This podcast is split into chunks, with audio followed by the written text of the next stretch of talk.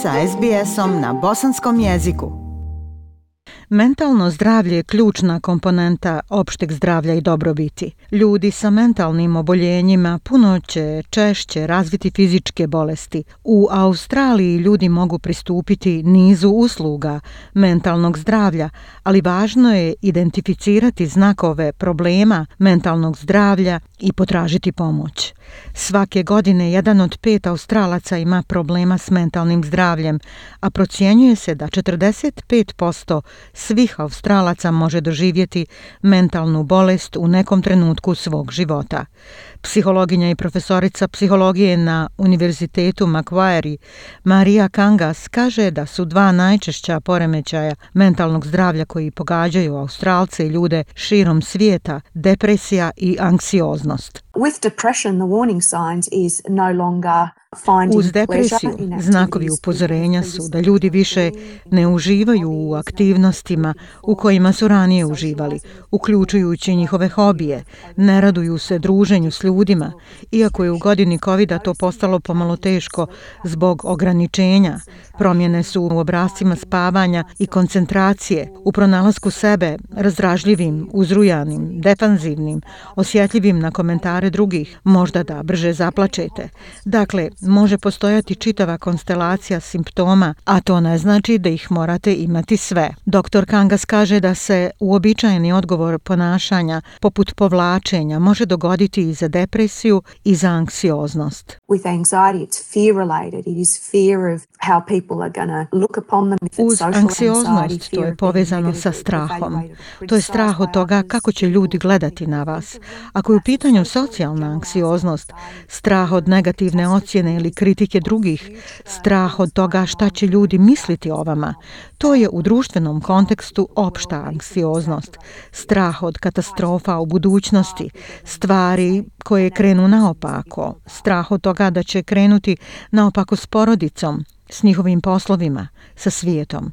Ali to je pretjeran strah pojačan je. Daleko je veći od onoga čega se prosječna osoba plaši. Kaže da se mnogi ljudi plaše covida, ali to ne znači da svi ti ljudi imaju ili će vjerovatno imati poremećaj mentalnog zdravlja, ali to zavisi od toga kako će se ljudi s vremenom nositi s tim strahovima. I sa depresijom i sa anksioznošću osoba može biti lako razdražljiva i imati problema s kontrolom bijesa, što može dovesti do daljnjih problema za tu osobu, objašnjava dr. Kangas. Možemo imati razdražljivost i zbog depresije i anksioznosti. Tada možemo imati poremećaje kontrole impulsa u kojima se ljudi bore sa problemima kontrole bijesa. To onda dovodi do problema u odnosima, kako u kući, lično, tako i u društvu i na radnom mjestu, a zatim i u široj zajednici. A to postaje problematično jer se ljudi nalaze u velikim problemima i to bi moglo prerasti u pravne probleme, kao i prijetnju gubitka posla ako ste zaista prilično agresivni. Poremećaj kontrole impulsa je stanje u kojem osoba ima problema s kontrolisanjem emocija ili ponašanja. Takvo ponašanje može povrijediti prava drugih ili je u suprotnosti s društvenim normama i zakonom. Dr. Kangas kaže da se poremećaj kontrole impulsa mogu manifestovati i u poremećajima ovisnosti, poput kockanja, alkohola i drugih ovisnosti. Kaže da često ljudi koji su bliski osobi koja se bori sa svojim mentalnim zdravljem ne primjećuju znakove upozorenja. It's a build up and that's when people can really explode. And sometimes um, people's partners or family members or relatives may think where has that come from? To je nagomilavanje i tada ljudi zaista mogu eksplodirati, a ponekad i partneri ili članovi porodice ili rodbina mogu pomisliti odakle to dolazi, ne prepoznajući da se ta osoba nije nosila s problemom već duže vrijeme. To je nagomilavanje napetosti i to je to. Nekoga jednostavno izgubi. Znači, nije iznenada to nagomilavanje faktora. Harry Minas radi u kliničkoj psihijatriji dugi niz godina i voditelj je odjela za globalno i kulturno mentalno zdravlje na Univerzitetu u Melbourneu.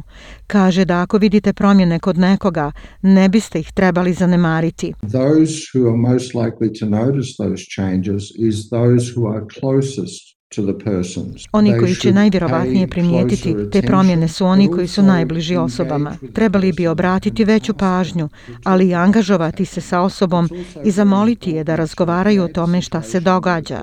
Također je vrlo važno stvoriti situaciju u kojoj se osoba osjeća ugodno, zapravo razgovarati o onome što joj se događa i osjećati da neće biti oštro osuđena ili ismijana ili da se na neki drugi način odbacuje ono što doživljava. Profesor Minas je također bio savjetnik Savezne vlade po pitanjima izbjeglica i azilanata dugi niz godina. Kaže da mnogi ljudi iz multikulturalnih zajednica možda neće zatražiti pravovremenu pomoć zbog nedostatka svijesti o mentalnim bolestima i stigme koja se na njih odnosi. Even if it's very clear to everybody that somebody has a mental illness, Čak i ako je svima vrlo jasno da neko ima psihičku bolest, ti ljudi mogu biti nekako zadržani kod kuće. Porodice mogu smanjiti kontakt sa svojom zajednicom jer ih je sram i možda će se opirati traženju stručne pomoći za osobu sa mentalnom bolešću. Ako iz nekog razloga ne želite razgovarati sa svojim liječnikom opšte prakse, na raspolaganju je više linija za pomoć, kao što je Beyond Blue. Njegov glavni klinički savjetnik, dr. Grant Blaški, kaže da ljudi mogu ispuniti internetski kviz na web stranici Beyond Blue kako bi procijenili trebali im pomoć za njihovo mentalno zdravlje.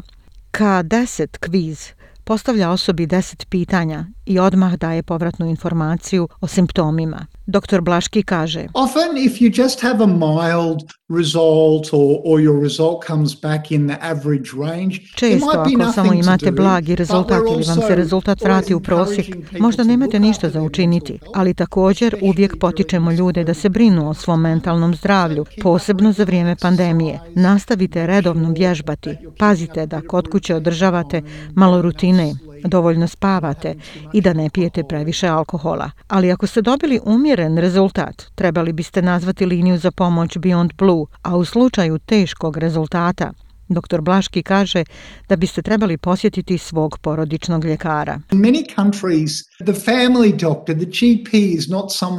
U mnogim zemljama porodični ljekar, ljekar opšte prakse nije neko za koga biste prirodno mislili da je dobra tačka za problem mentalnog zdravlja.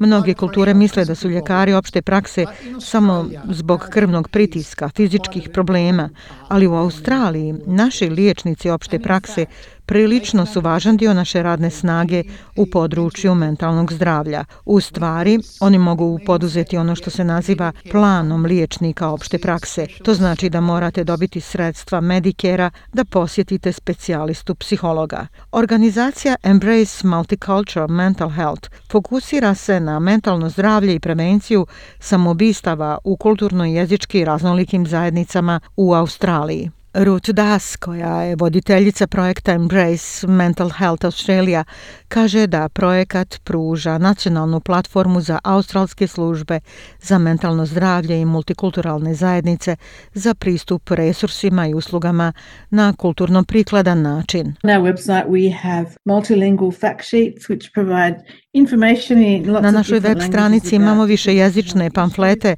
koji pružaju informacije na mnogo različitih jezika o različitih različitim pitanjima mentalnog zdravlja i različitim problemima mentalnog zdravlja, ali i informacije na koje adrese mogu otići kako bi dobili pomoć.